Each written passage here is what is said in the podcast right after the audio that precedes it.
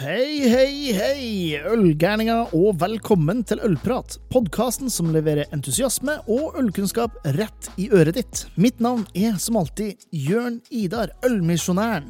Og i dag så har jeg med meg en herremann som har vært eh, brygger på bl.a. Berentsens bryggeri, på Kinn bryggeri og Vettre bryggeri, og som nå har tatt eh, og må ty til litt sterkere saker, og nemlig destillere det her produktet. Jeg har nemlig med meg Eskil Bergan fra The Oxford Artisan Distillery i Oxford, England.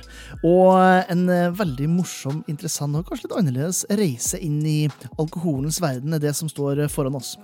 Som alltid vil jeg jo eh, absolutt anbefale at du trykker abonner på podkastappen du lytter på denne episoden på.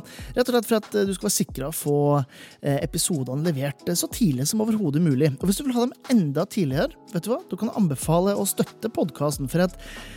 eh, det har vært en liten nedgang i forhold til eh, patrions til podkasten. Og det forstår jeg nok, det, med sånn som økonomien utvikler seg. Men det er altså nødvendig å ha gode støttespillere som er med og støtter podkasten, for å holde serverhjulene gående.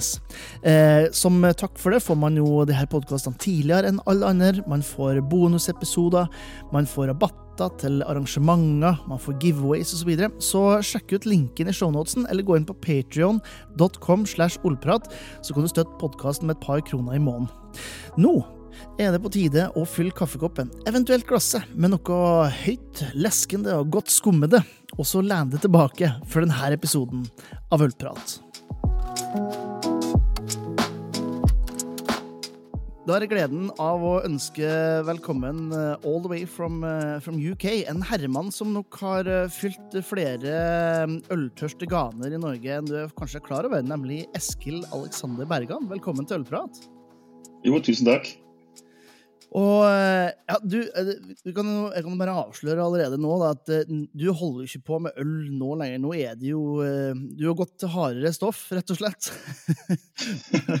og, og produserer sprit i Oxford Artisan Distillery i, i Oxford i, i England. Men du har jo hatt en, en mildt sagt en, en mildt sagt spennende reise de siste ti pluss årene. Kan du ikke se litt sånn, sånn bakgrunn? Da? Hvor, hvor, du kommer fra, og hvordan kom du deg inn i, i alkoholens uh, i hermetegn deilige verden? Nei, altså jeg, skulle si, jeg kunne jo begynt i sånn 13-14-årsalderen jeg begynte, og begynte å smålure flasker og sånne ting. Men for å hoppe til, det, hopp, hopp til det mer relevante, så begynte jeg hos Brygg selv ganske tidlig. Jeg tror jeg må ha vært ansatt nummer tre eller nummer fire. Mens det, altså jeg ble med når det fortsatt var delvis blomsterdekoratørbutikk og delvis ja, hjemmebryggersupply. Ja, ja, for det der, der, husker jeg første gang jeg snakka med, med, Eirik og så skulle kjøpe For da, på den tida så var det for dere hjemmebryggere da, så, som har holdt på en stund, så vet dere det eneste stedet man kunne få, det var på Petit Agentur. Måtte du få det i posten hvis du bodde her i Østfold, eller, eller Østfold. Eller du kunne dra til, til Lillestrøm. Og så kom Eirik og selv, og da var det Da husker jeg han skulle kjøpe noe humle, og da var det inn, i, inn mellom tulipaner og gudene vet hva det var for noe i det kjøle, kjøleskapet hans, da. så du, du, var med fra starten, altså? Var med, fra, var med fra starten og så at ferskgjær tok over mer og mer plass i, plass i kjølerommet.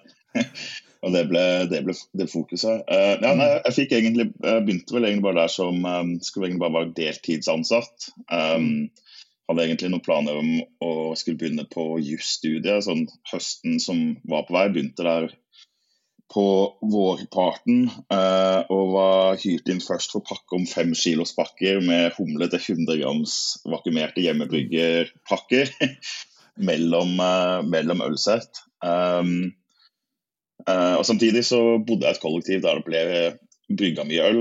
I begynnelsen var mer, var mer interessert i å drikke det enn å være med, være med på, på, selve brygginga.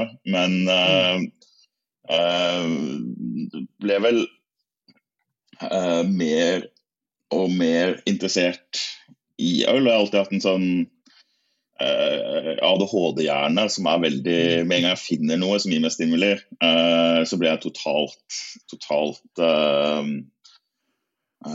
Norsken min er litt um, Bare vært der et års tid, men fortsatt uh, totalt um, obsessed.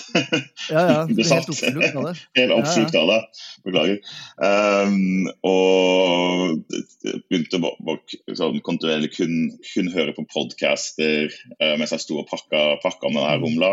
Og uh, le, leste alt av litteratur som jeg kom over. Og så vokste jo Brygg selv ganske mye sammen med hjemmebryggermiljøet på den tiden. Og mm.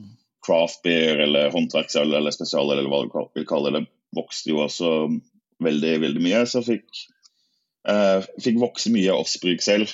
Og mm. jeg tror det vel at jeg egentlig, selv om jeg hadde en plan om jus, hadde vært, vært, på søken etter hva, far jeg skal holde, holde på med. Og mm. begynt å se mer at ok, kanskje, kanskje det her kan, kan være noe. Og fikk fikk vokse mye som både ølbrygger og person Osbrygg selv. Uh, og mm. så uh, var, var, jeg med der, var med der noen år. Og så fikk jeg gjennom litt sånn tilfeldigheter første muligheten om til å lage noe kommersielt hos uh, Svensefjøset. Mm. Uh, og ble med på et prosjekt som ble hetende Hegg, Hegg Ølkompani. Mm. Um, og det var, noe, det var, noe, dere jobba helt sånn fra, fra, ingenting og til uh, faktisk uh, produksjon, ikke sant? Ja, stemmer. stemmer. Altså, de hadde jo allerede kjøpt utstyr og hatt en sånn halv, halvplan, men de ble vel stående og visste ikke helt hvor de skulle, mm. hvor de skulle ta, det, ta, det, videre. Og så hadde um, Sveinung, han som uh, eier, eier, det lokale ute i, ut i Lier, uh, ganske god tone med en kollega, en kollega av meg som jobber med salg uh, for, for Bryggsel. Og ja, så jeg ble dratt med på, dratt med på noen ja, uformelle møter, møter, der. Og endte med å få mulighet til å, mulighet til å være brygger der. Når jeg tenker tilbake på det nå, så burde jeg nok mest sannsynlig ikke fått fått jobben, for jeg hadde ikke noe relevant erfaring. Jeg hadde lest, lest og hørt utrolig mye, men det var vel sånn høy grad av fake it till you make it. Uh, Nå tenker jeg tilbake på det. Um, ja, ja. Ja, Hegg, Hegg, ja. Hegg eksisterer jo ikke den dag, den dag i dag. Det er, jeg sier ikke det at det er din, det er din feil. Eh, men, men, for å gi litt kontekst til folk, da, så Svensefjøs er jo der Disco Brewing i dag befinner seg, da, som har vært en tidligere gjest på, på, på podkasten. Uh, Og det er jo klart at det, det er jo et, et tidspunkt her der, der, man begynner å se um, håndverksøl ordentlig, ordentlig eksplodere. Rett og slett det er jo i 2016-2017, om jeg husker helt gærent. Uh, så hva var noe hva, Da kom du liksom fra hjemmebryggesida og inn i det kommersielle. Hva var noe av de tankene og observasjonene som du kan gjøre det i dag, da, i forhold til hvordan det var, var da? Altså, det var jo fortsatt på det tidspunktet der det føltes ut som det var veldig blue ocean. Uh, altså at markedet var ikke, var ikke oversaturert. Det var, ikke, det var fortsatt et lite stykke fra 200-250 pluss uh, registrerte bryggerier og bryggeriforeninger. Uh, så det var veldig mye, veldig mye optimisme. det var en hel haug med prosjekter som poppa opp over overalt rundt deg. Mange av dem finner du ikke, finner du ikke nå, nå, lenger. Um, men det var, veldig, det var, en tid med veldig mye optimisme. Um, der det, uh, når jeg tenker tilbake på det, så er det en av de beste, beste periodene jeg har vært med i bransjen. Samtidig som at når du ser tilbake på det litt mer nøkternt, så um, jeg begynner vel å merke at jeg blir eldre. for at Når jeg sitter her i dag, så blir jeg ofte at jeg vurderer ting kommersielt først. Ja. og det var vel kanskje det som kjennetegner den perioden mest. At det, um, alle, kom inn med at så lenge du lager bra øl, så kommer det her til å, det her til å bli kjempe, kjempebutikk. Og mm. det er vel kanskje ikke det er kanskje ikke den, den stemninga du finner, finner, i bransjen akkurat nå, nå lenger. Men um, ja. Det, det kan du si. Det, var, altså, det er jo en periode, uh, og det, her, det, det, må jeg ta meg sjøl i å være litt bevisst på. fordi at når vi har holdt på så lenge med det her som, som, det vi har gjort, så tenker man tilbake til det gamle der, og hvor mye bedre det var, og tjo hei. Og jeg greier ikke å si det uten å legge på en sånn tullestemme, fordi at det var så mye, det var så mye hjerte og så uendelig lite hjerne som foregikk eh, blant oss på den tida. For det som sier, at det var bare Ja, det, det var skyfri himmel og, og, og blankstille på, på, det her ølhavet som bare skulle, man bare kunne fylle på. Og så eh, i retrospekt så tenker jeg at eh, eh, hadde man kanskje vært, eh, vært litt mer hjerne og kanskje bitte litt mindre hjerte, så hadde det kanskje, kanskje vært litt annerledes. Men så, så, tar du en liten, eh, en liten tur eh, på andre sida av, av, fjorden, en liten tur til, eh, til Vettre. Eh, sånn at Hasse kan kan få seg en liten sommerferie. Uh, men, men så, kommer, så, kommer, du inn i, i et prosjekt som, som jeg syns er veldig spennende. Jeg husker første gang jeg hørte om det, tenkte bare det høres jo fryktelig rart ut å lage et bryggeri bare for én øl. Men, uh, men du flytta altså da rett og slett nordover til Lofotpils. Uh, og en ganske ny ganske nystarta, ambisiøst prosjekt, tør jeg påstå. Ja, nei, det stemmer. så når, når jeg hadde møtt Andreas, eh, daglig leder og sønnen til en av grunnleggerne, på noen festivaler her og der før og hatt god, god tone med han. Um, fikk i telefon at de trengte en ny brygger, men mer sånn type um, prosessoperatør. Mm. Hele dealen var at jeg skulle jobbe under en enten erfaren tysk byggmester eller tsjekkisk um, byggmester. Um, og kommer opp der. Og har vært mye i Finnmark gjennom oppveksten òg. Eh, sånn, litt side note. Eh, men tenkte at ok, det kan, kan vi gjøre det her. Eh, jeg kan takle et par eh, mørketidsesonger. Det mm. kan, kan godt gjøre. Eh, og som du sa, de hadde jo investert til, i hvert fall sånn i et norsk perspektiv, ekstremt mye i utstyr. som hadde ganske state of the art. Kasper Schulz fullautomatisert Eh, brygghus, bra tankpark, eh, relativt fornuftig tappelinje med mulighet for boks. Og siden at jeg var ganske selv klar over at eh, jeg på det tidspunktet ikke hadde noe jeg hadde ikke noe diplom som brygger eller noe relevant uh, erfaring. Og hadde stort sett fake it till you make it på, på egen hånd. At det hadde vært fint å jobbe, jobbe under noen med, med, mer erfaring enn meg selv. Um, og kom, kom, opp der. Og jeg skal prøve å la være å utlevere for mye Eller lufte for mye skittentøy, men de hadde uh, Han som hadde vært bryggmester der, hadde, hadde, ryket, hadde ryket klart ut uh, med dem, med, med, med, med firmaet. Så jeg hadde vel en ukes overlapp, for tanken da var vel at jeg skulle prøve å, å få opplæring på en uke og så holde hjulene i gang til de greide å finne noen til å erstatte, erstatte han som var brygger der. Um, mm. Og kom opp og var ganske anspent stemning. Og det var ganske mange i den perioden der som hadde um, problemer med eksploderende bokser eller flasker. Ja, stemmer. Det hadde jeg helt glemt av, den der uh, lille skandalen til uh, uh, Var det Weiermann? Nei, ikke Weiermann, men Lallemann? det var flere, ikke sant. Det var White, White Labs hadde jo svart søksmål med Left Hand Brewing Company, hvis jeg husker, ja. husker riktig. Uh, og der var det noe. Og Håndbryggeriet gikk vel også ut uh, og sa at de hadde fått testa produkter fra White Labs. Vi hadde ikke, brukt, hadde ikke brukt White Labs, men litt av problemet der oppe var at det var, var ikke gjort noe dokumentasjon som viste bevegelsene til gjerdet, så det var veldig vanskelig å prøve å nøste opp i hva var det her for noe. Men uansett, jeg fikk sendt et par bokser. Det var noe av det første jeg sa, siden at en av de tingene som jeg har alltid på et personlig, profesjonelt plan syns er mest interessant, er bakterier og merkelige gjærskiper og ja, mye sånne ting som jeg har prøvd mesteparten av den ordentlige delen av karrieren min prøvd å unngå.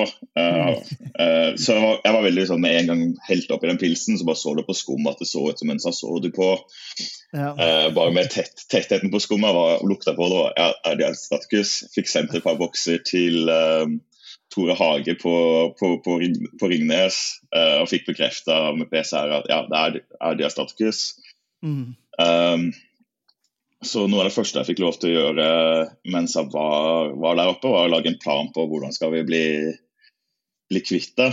Uh, så vi brukte en måneds tid på å ja, bokstavelig talt mer eller mindre demontere halve fabrikken.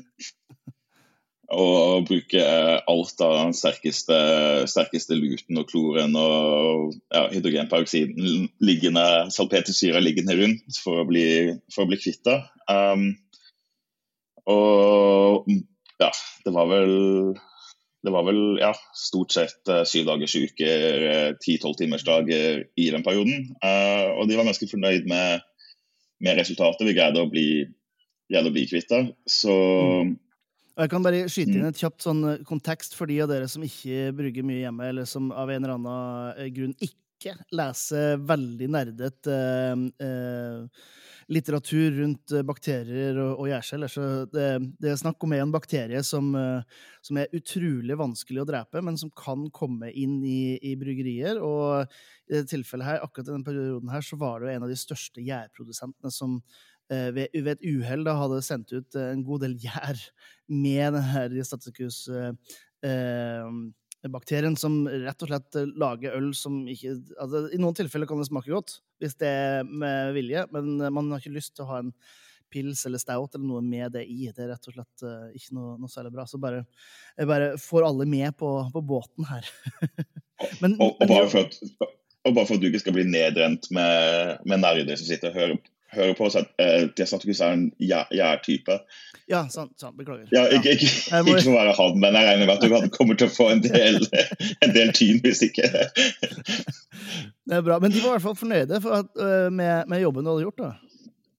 Ja, ja de var det. Uh, så, så, fikk spørsmål um, fikk spørsmål av Andreas og Torvaldur om jeg kunne tenkt meg å prøve meg som, som byggmester. Og nok en gang så hadde jeg ikke vett nok til å vet nok til å si, si, nei. Så jeg tenkte OK, jeg får ta det med, ta det med strake ta det med strake armer, og sa, sa, ja til det. Uh, men det fine var at de, de leide inn en uh, tysk halvveis uh, bryggelegende som heter Wolfgang Trautner. Um, som uh, Han er vel i 70-årene nå, egentlig fra Bamberg, men bor på grensa mellom uh, den finsk-russiske finsk grensa. Uh, og har vel de siste 20-30 årene re reist rundt mye med Kasper Schulz og gitt, uh, gitt, opplæring. Så de leide inn han, og samtidig ga meg, um, ga meg IBD, Institute of Brewing and Distilling, diploma utdanning. Uh, så at jeg på, på sida begynte å ja, få, få, systematisert kunnskapen min, uh, min mer. Og mm. ja. Så og, du er jo der et, i et uh, par år, og, og, og, etter hvert så Det er litt sånn nomade, for da, da, flytter du jo, da flytter du vestover og ender opp i et av de eldste bryggeriene vi har i, i Norge, nemlig Berentsens brygghus. Eh, men nå kommer du kanskje inn dørene med litt mer eh, faktisk faglig pondus og litt mindre imposter syndrom, kanskje?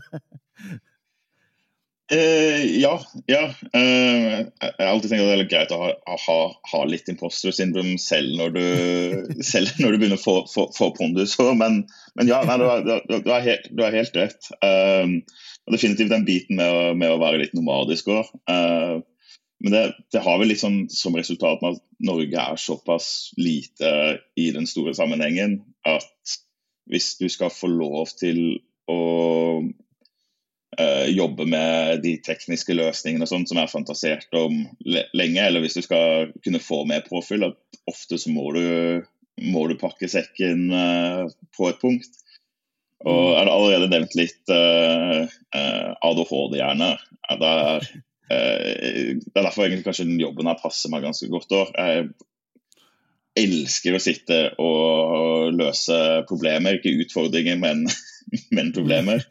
Så, men ja, jeg kom til, kom til, kom til Barentsen.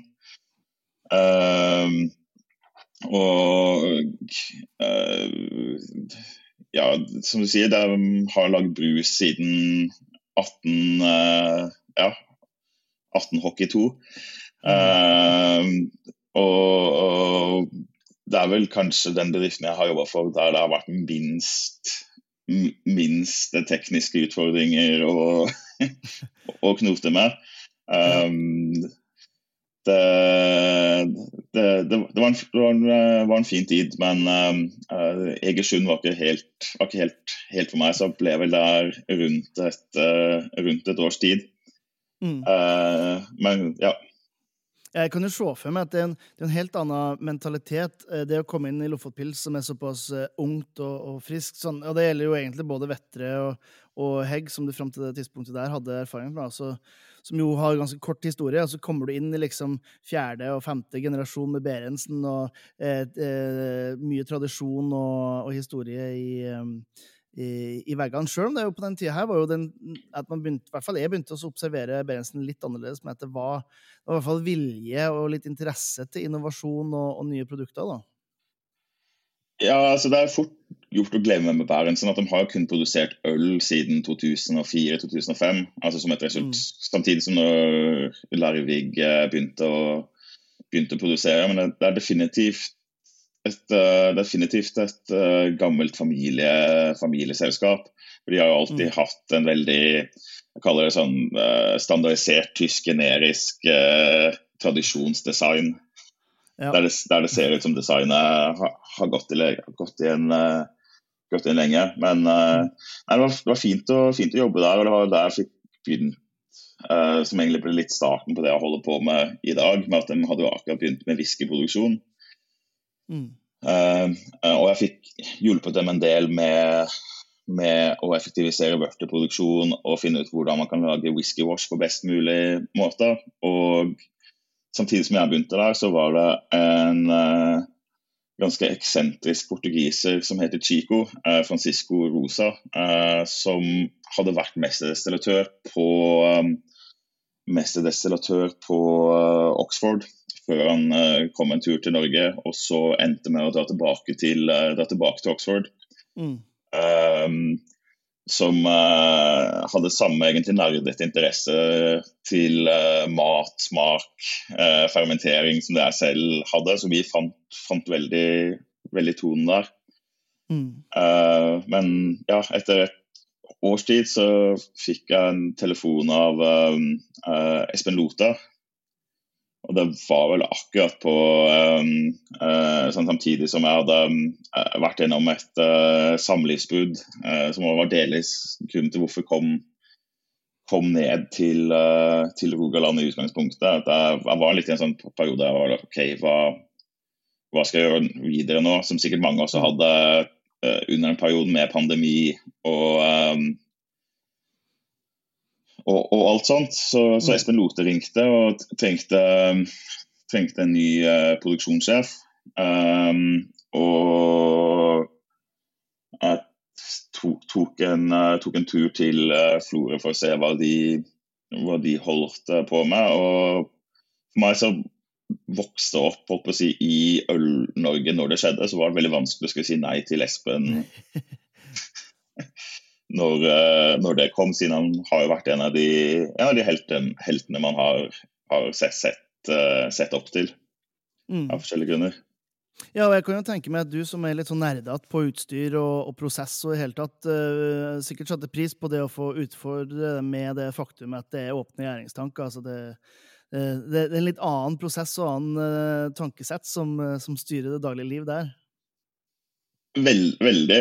Eh, veldig. Eh, det var altså så sinnssykt mange Ikke, ikke ta det her feil, Espen, hvis, hvis, du hører på, men, men nok, nok, av ting å ta, ting å ta, ta tak i. Um, og det, det, er, det, er, jo alltid, alltid et i ethvert byggeri så er det alltid mer enn altså Selv oss de, oss de store som man ser for seg har 110% kontroll, så er det men eh, åpen, bare det med åpen gjæring som du nevner, det, det, legger et par lag med kompleksitet både på planlegging og på å få det teknisk eh, optimalisert. Ja, det, det, øker hvilepulsen litt ja, i forhold til uh, i hermetegn normal uh, brygging. Det vil jeg se for meg. sånn, en av de mors morsommere storyene har sånn sett. Og det er også sånn altså Man kan snakke om at um, uh, Barentsen har et ganske etablert uttrykk. På mange måter så På mange måter så uh, mista jeg deg der. Uh. Nei, nei, det er det ja. Nei, beklager, så jeg fikk en telefon. Uh, Nei, ja, liksom på mange måter så altså, uh, Produktporteføljen til Skinn tror jeg kanskje hadde hakk, til og med hakket mer ærefrykt med enn med Rogalandspils. Mm. Sånn, når, du har, um, når du har merkevarer som uh, ja, ta, ta Vestkyst, som er et øl som ekstremt mange folk har et veldig nært, nært forhold til. Um, så er en av de første tingene jeg begynte å, begynte å se litt på, um, uh, var oksygenopptak. Sånn, uh, bare for å gi det liksom kontekst, oksygen er vel en av de tingene som holder deg mest våken om natta når du produserer øl. Uh, det, hvis du, samme som når du kutter et eple og, og det brune, så skjer det samme med det samme med et uh, lyst øl når det blir utsatt, mm. utsatt, for oksygen. Og Vestkyst har alltid hatt en sånn relativt mørk, uh, relativt mørk farger. Sånn, ganske normalt for østkyst. Uh, det som blir kalt for østkyst-IPA, er vel mm. ja, gammel, gammel, East Coast gammel East Coast IPA.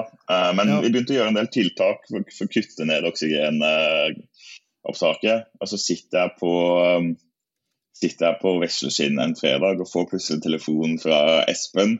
Jeg kan høre Han høres ganske forbanna ut og lurer på hva i helvete jeg har gjort med vestkystoppskriften. uh, og, og sannheten er vi hadde ikke, vi hadde ikke gjort noen ting. Akkurat samme, akkurat samme maltbase, samme humlebase. Som sagt, kød, kød, kødder ikke rundt med sånne ting på måfå. Men det var rett og slett at vi hadde fått såpass mye mindre oksygenopptak at uh, ølet både så lyser ut og smakte mye mer egentlig New England New England IPA. Uh, eh, fordi at humlesmakene var mye friskere. Så vi måtte faktisk gjøre et par justeringer på maltsiden senere for å få det til å være likere enn det det hadde vært, men være et mer stabilt, stabilt produkt. Det var rett og slett et, et, teknisk bedre produkt, og resultatet var, et, eh, var en, eh, en, en, teknisk bedre vestkyst som var litt annerledes enn det, enn det man forventa, kanskje? ja, rett og slett. Um, rett, rett, og slett. Det, det, må jo være litt morsomt å, å gjøre den typen oppdagelser i et uh, bryggeri som du har såpass stor respekt for da, som, som Kinn? Veldig. Uh, veldig. Altså, uh, nei, jeg har vært vært veldig, veldig heldig som har fått lov til å, fått lov til å jobbe, med, jobbe med sånne typer oppskrifter som man har vært, vært fanboy av, uh, av selv, på, selv, på, et uh, punkt. Så mm. ekstremt, uh, ekstremt takknemlighet for, takknemlig for den, for den muligheten. Um, mm. Og um, ja, nei, så hadde, hadde noen fine fine, men tunge, tunge år eh, på, på skinn. Eh, mm. Det er kanskje en av de plassene det har vært vanskeligst å sette et skille mellom eh, ja, work-life work balance. Eh, sånn sett. Ja, det, det, skjønner jeg. Og, og, på det tidspunktet her, så du har jo ikke holdt på lenger i bransjen enn i, i en åtte-ni år. Og allerede så har du vært innom uh, Lofotpils, du har vært innom uh, Berentsens, du har vært innom Kinn. Uh, og, og, så, så virker det som du får helt nok, og så går du Du, du holder innenfor alkoholens bransje, men du skifter både land og og, og, type. Hva, hva, var det som gjorde at du bestemte for at du skulle til England for å, for å lage sprit? Uh, ja, en annen gang så var det litt, litt sånn tilfeldigheter. Um, det begynte å kjenne sånn personlig ganske på at ok, um, norskekysten er vakker, men jeg vet ikke om jeg orker å bo på den nordlige eller veldig vestlige delen av det lenger. Uh, så jeg begynte å kjenne på ok, det, um, kanskje jeg skal Jeg har vært villig til å reise, reise mye rundt. Kanskje jeg skal begynne å se etter en plass der jeg nok kunne tenkt meg å bli i et tiår eller mer hvis, hvis, uh, ja, hvis det kom til, kom til det. Uh, og som sagt, jeg hadde jo møtt en gæren portugiser uh, i Egersund. som har vært og besøkt, hadde vært og besøkt en del ganger. Og de holdt på med et sånn fantastisk håpløst prosjekt sånn kommersielt sett. Mm med at de uh, dyrka sitt eget korn. Og ikke bare at de dyrka sitt eget korn, men kun um, heritage, uh, heritage uh, varieties. Altså um, førindustrielt korn uten bruk av gjødsel eller sprøytemiddel. Ja. sånn superduper økologisk. Um, og destillerte på hjemme, hjemmelaga apparater som alt så ut som noe fra en Jules Verne-roman.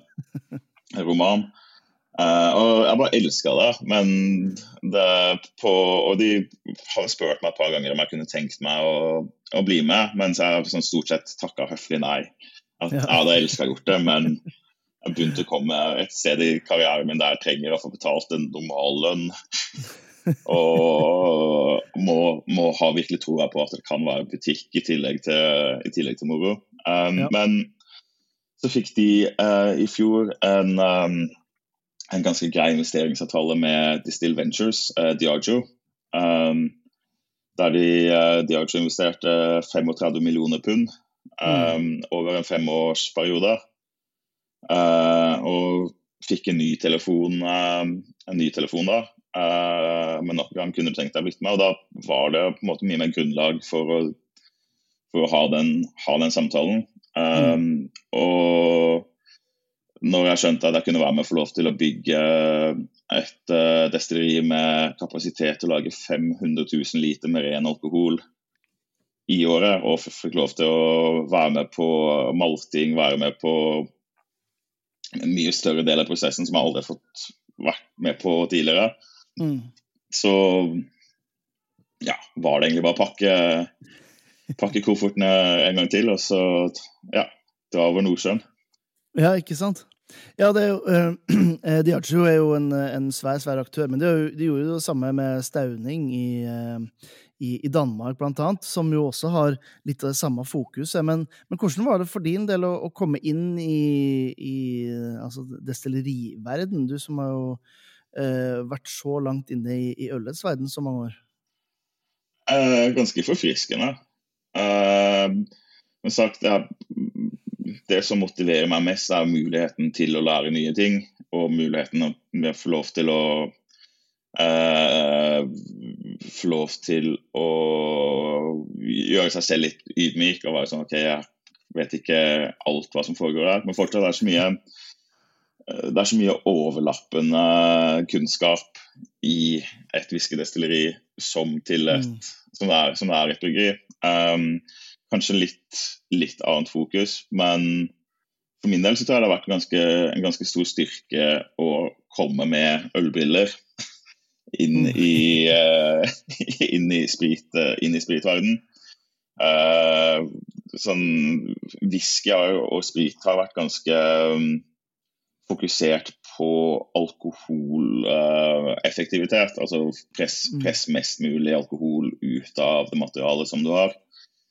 Uh, mens i øl så prøver vi også å få det til å smake godt samtidig. For vi, tenker, for vi lever ikke i en verden der vi kan bare separere vekk det vi ikke liker, eller separere det vi liker seinere.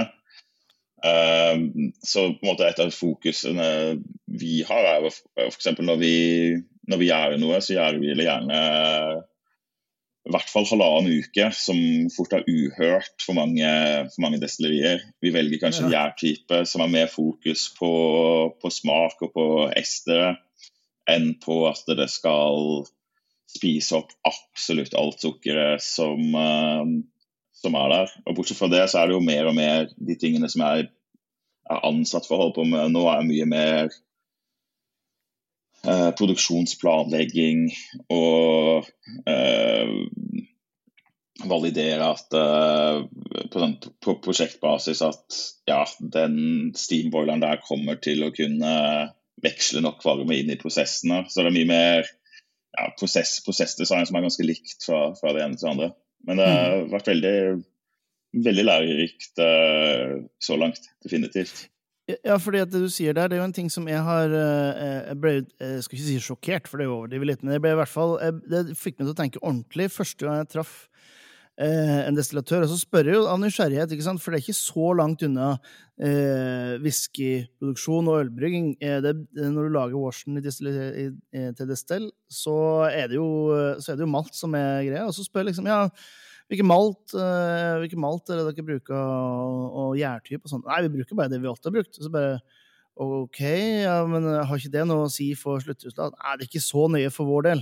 Og da husker jeg bare Hæ, hvordan kan du, da, hvordan kan du lage et produkt og så ikke være så nøye på Eller i det hele tatt ha tenkt over det faktumet at hvis du bruker en, en gjærstamme som gir mer fruktighet, eh, at det kan ha et, eh, et sluttresultat for, eh, for, altså for, det endelige flaska. Men det er jo kanskje noe som har, i likhet med at man har fått en større bevissthet på eh, hva man spiser og hva man drikker. Man har fått det samme innenfor for spritproduksjon, det at det er en, eh, en større bevissthet rundt smaksvariasjon, kanskje? Ja, jeg tror veldig det. Uh, at det er bare at spritverden på produksjonssida ligger, ligger, lenger etter i løypa uh, enn en ølverden. Jeg var, på et um, seminar med en maltprodusent litt tidligere i år, der de presenterte det banebrytende konseptet om å bruke spesialmalt. Oh. ja, det hørtes jo det hørtes spennende ut. Og, men, men, det morsomme er sånn at når du smaker på et destillat med eh, sjokolademalt eller med krystallmalt, at det er smaker som bæres over, som du sier, i, mm. i, i, i, i sluttresultatet. Og ja, det, det er det jeg syns er ekstremt spennende med å holde på med det vi holder på med nå. For vi er et destilli som er ganske langt unna å prøve å kopiere hva skottene har holdt på med har holdt på med i århundrer. Uh, mm. Vi definerer oss som et ja, New World uh, New World whisky-destilleri. Uh, der vi ikke har alle de reglene og tradisjonene å måtte respektere. Der vi kan leke ganske godt innenfor rammen av hva som man kan definere som engelsk, engelsk whisky. Mm. Uh, så, så, vi leker utrolig mye med alt fra spontangjæring til gjærtyper til um, måter å malte uh, og korntypene som vi, som vi bruker. Mm. Uh, og det er jo sånn som en, en av de tingene som kan holde meg våken på nettene, er bare å tenke på hvor kan whisky være om 20 år. Jeg tror det kan se mm. veldig annerledes ut enn det det, enn det, det gjør nå, på, på, godt og vondt. Ja. Men, og, og, i så måte så høres det nesten litt ut som at det er full circle, så langt i hvert fall. For det du beskriver nå, er jo litt det, det samme som, eh, som du kanskje opplevde eh, i, det, i, den jobben som du gjorde i Bruxelles, og etter hvert i Hegg. og altså den, Det her med, med at uh, the world is your oyster eh, er på en måte det er litt det samme som man ser i destillering, nå, til tross for mange hundre års erfaring. Jeg vet ikke. Ja, det er, det er veldig det er veld, veldig, veldig det. Altså, det er jo en, eh, det er en optimisme der. Og ja, nok en gang eh, blå, blå åpne, åpne hav. Uh, det føles veldig sånn ut. Uh, eneste forskjellen for min del nå er jo denne gangen at jeg har vært, vært ute på seilas ute på seilas før. Så jeg sitter allerede og tenker sånn det liker jeg. sånn. uh, så jeg har definitivt fått en del henvendelser uh, fra mye bryggerier også, som lurer på om de skal begynne å begynne å destillere. Så, mm. så det, det, virker som det er en del, en del som begynner å tenke på at kanskje de skal hoppe fra, hoppe fra øl til sprit, eller um, legge det til som et ekstra bein, å, bein å stå på. Mm. Ja, Det er nok sikkert ikke dumt, det, men man må jo gjøre det på et, på et sånt vis at det, det, gir merverdi. Både selvfølgelig for, for, driften, men også for konsumenten. Det, det er litt det, viktig, føler jeg det er veldig viktig, og det er litt det jeg prøver å, prøver å si til folk òg, uten at det skal høres altfor mye ut som at man prøver å gatekeepe folk ut av en god, en god mulighet. At det er ikke noe lettere å lage sprit, og det er definitivt ikke lettere å selge, å selge sprit i de volumene som man må for at det skal bli butikk. Men hvis man har, hvis man har en god, god plan og ja, ganske mye kapital, dessverre, og du kan gjøre det, kan gjøre det ordentlig, så, så, er det nok fortsatt gode muligheter for, gode muligheter for en del. Mm. Ja, det vil jeg tro. Eh, eh, nå har du jo har du holdt på eh, i, i, Oxford i, i, litt over et år. Um, de, har, du lært noe eller har du observert noe som du tenker at, at ølbransjen kanskje kan lære litt av uh, fra spritbransjen? Oi. Um, ølverden kan lære fra, fra, fra spritbransjen. Um, kanskje ikke så spesifikt. Jeg kan kanskje ha lært mer sånn um, Jeg ser på det norske jeg ser på det norske markedet veldig annerledes etter å ha vært et år i det, i det engelske. Det, det, kan jeg si. Um, det er sånn det er vel egentlig først nå jeg virkelig skjønner hvor kronglete det er å selge og produsere øl i et så langstrakt land som Norge med fem millioner, fem millioner mennesker. Um, kontra, kontra, nå. Men um, Nei, jeg tror ikke jeg har noen gode, jeg tror ikke jeg har noen gode, gode lærdommer der. Og, så jeg skal ikke finne på, jeg skal ikke bare finne på noe, finne på noe heller. det, det, skal du, det, skal du, slippe. Men, men et, et, annet eh, spørsmål som også tenker på ja. Jo, kanskje én ting. Eh, kanskje en ting. Um, uh, en ting som jeg merker mye fra, fra i hvert fall det vår approach og en del andre sin approach på sprit på mer opplæringsfronten, uh, tror jeg at det er eh, fort gjort for mye av oss ølentusiaster, som jeg tror vi kan putte oss i, kan være av at vi, den voksenopplæringa som man ofte har gjort med øl, at den trenger ikke å være så dyptgående. at Det er viktig å huske på at til syvende og sist så, så, så er det produkter du kan lære å nyte uten å måtte vite absolutt uh, alt om det. Så når jeg tenker tilbake mm. også når vi begynte å drikke øl, sånn at vi liksom satte oss inn i begreper som IBU osv. At liksom for sluttkonsumenten så altså det, det, handler om å ha en god smaksopplevelse, ofte i, ofte i godt lag. Uh, mm. Og kanskje heller ha mer fokus på, som du ofte også har, uh, på hvilke situasjoner kan denne drikken fungere bra til, hva slags mat mat kan det fungere til? Uh, er det noe du ville ha dukket på en fotballkamp, uh, eller fungerer det, fungerer det i et bryllup? Mm. Uh, men ha en litt mer folkelig, avslappa tilnærming til det, istedenfor å skulle løfte det opp til enten en veldig nerdete eller som i vinverden en veldig høyverdig greie rundt det. Men at altså det er gode, gode, produkter som du kan være avslappa rundt. Mm. Ja, det, det, er fort gjort når man, eh, i hvert fall for oss mannfolk, når vi blir engasjert i noe. Litt sånn som du er da på det tiende år i, i engasjementet. At man, eh, man, går så dypt ned i materien at man glemmer at de aller fleste de, de vil jo bare ha en kald øl, og så eh, kanskje vite litt om eh, når de kan ta noen alternativer. De trenger ikke nødvendigvis å vite forskjellen på en barrel og en fooder, eksempel. Det er liksom ikke der det ligger, sjøl om begge er trefat. ikke sant? Så Nei, det, det, det er godt, eh, godt, innspill. Men i forhold til, hvis det er noen som hører på det her, da, eh, og, og, tenker eh, du, jeg kunne tenkt meg til å, jeg kunne tenkt meg til å prøve det her som en, som en jobb. Jeg kunne tenkt meg til å prøve å jobbe, jobbe i bryggeri og, og, kanskje gjort det med brygging eller destillering til min levevei. Har du noen, noen råd til, til, de folka? Yes. Um, for det første så tror jeg prøv å få, prøv å få en utplassering.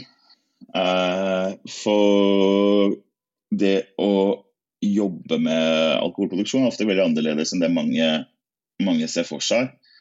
Altså, i hvert fall øh, Hvis man har hatt det her som en hobby først, og så tenker at ok, jeg elsker å brygge øl hjemme, så kan det være det at å brygge øl som en jobb er ganske annerledes enn enn de delene av det du liker når du gjør hjemme. Men når det er sagt, øh, jeg ville nok først prøve å få en utplassering, få en utplassering eller noe sånt. Bare for å se om, for at du kan selv bli helt sikker på om det her er noe jeg har, har lyst til. Og når du har kommet til det punktet der at det her har jeg lyst til, så vil jeg anbefale de fleste til å sjekke ut IBD, som jeg nevnte, ut, nevnte tidligere. Institute of Brewing and Distilling. Uh, de har en rekke forskjellige kvalifikasjoner som du kan også ta, ta online. Um, til en ikke altfor vansinnig, vansinnig penge. Uh, og som også har lagt opp til at du kan ta det mens du jobber. Mm. Um, jeg ville definitivt, ville definitivt anbefalt å gått den veien så du faktisk får teknisk, teknisk kunnskap. Um, for Altså det, det, er, det, er, fint å kunne sette sammen en god, en god oppskrift, uh, men hvis du ikke har den tekniske know-howen til hvordan du faktisk utfører det, så kan det være en beste oppskrift, men den kommer ikke til å smake sånn som det du tenkte, tenkte på andre enden. Så få teknisk, teknisk, kunnskap, det tror jeg vil være mitt store, mitt store tips, egentlig. Mm. Ja, det, det, jeg syns det er veldig gode tips, både det å hospitere og det å få en ordentlig utdannelse. Jeg, jeg, har jo hospitert hos flere bryggerier opp igjennom og egentlig funnet ut at det å brygge øl er ikke det som jeg syns er det morsomste. Det morsomste jeg syns er å servere folk og prøve å, å, skape en opplevelse for folk. Også det med utdannelse. Jeg har jo også en utdannelse fra Bryggerihøgskolen i, i København, og den bruker jo ikke aktivt, med mindre jeg snakker med en brygger på et bryggeri og har en litt større forståelse for hva det er som gjør dem eh, unik. Men det går jo bare videre på den eh, storytellinga. Men, men, begge to, hvis man har lyst til å gjøre det til en profesjon, så det er ganske langt ifra en, eh, en, et hjemmebrygg til en eh, kommersiell en. De, de, fleste bryggerier er nok åpne for å ta imot noen og hospitere en, en uke eller to eller en måned innimellom. Altså, det, noe, det bør man ikke tenke på skal være noe problem. Så um, gode, gode tips. Fleste er nok bare glad for det. Ja, ja det, det, tror jeg. det tror jeg òg. Du, Eskil, det har vært en, en veldig, veldig, hyggelig prat. Eh, spennende å, å, å høre hele veien. Altså, jo, vi snakker jo om, vi snakker om uh, bare i hermetegn ti år, og du har fått gjort veldig mye og hatt mye å, mye å, å gjort med med øl som de fleste har en relasjon til. Um, før, vi, før, vi, sier ordentlig takk for nå, så er det jo ett sånn spørsmål som alltid kommer igjen. Jeg regner med du vet hva det er for noe som kommer nå.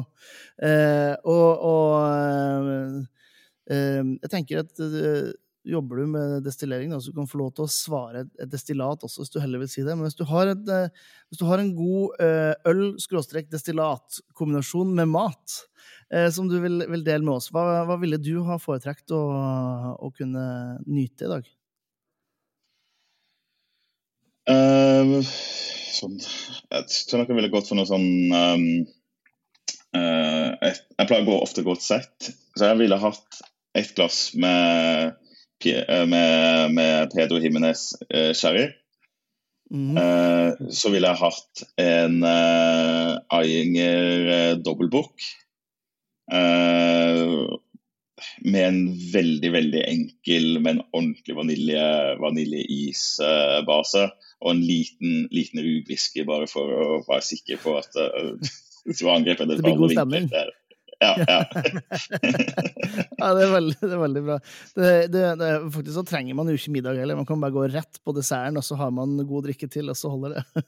jeg skal ikke si det, så Sånn sett er det ikke så farlig med den isen, egentlig. Nei, det, det er jo et godt poeng. ja, men det, er veldig, veldig bra, Eskil. Du, jeg vil bare si takk for praten. Det har vært, uh, vært lærerikt og interessant å, å høre. Eh, og så, til de av dere som hører på, så kan dere få tak i noen av eh, kreasjonene til Eskil på, på Vinopolet. Eller eventuelt dere kan jo ta en, en tur over det. Det skjer mye, skjer mye spennende der i, i tida framover, sånn som jeg forstår det. Så um, vel verdt å sjekke ut. Eh, har en mistanke om kjenner Eskil rett. Tusen takk. Tusen takk til Eskil for en uh, veldig interessant ølprat, og ikke minst tusen takk til uh, dere som hørte på. Nå må dere huske på at det her øltoget her har altså plass til enda flere av millioner av lyttere. så husk å tipse en kompis, en venninne, en nabo, en postmann, en gammel tante eller en prest, om så er, om denne podkasten, så at vi kan få mer ølkunnskap ut til folket. Ikke mer øl, men mer ølkunnskap. Det er jo det vi prøver å få fram i podkasten her her. Eh, så mens du er da, så vil jeg bare si at jeg setter pris på at du tar deg tida til å høre på. Gi meg feedback, kom med innspill i forhold til gjester.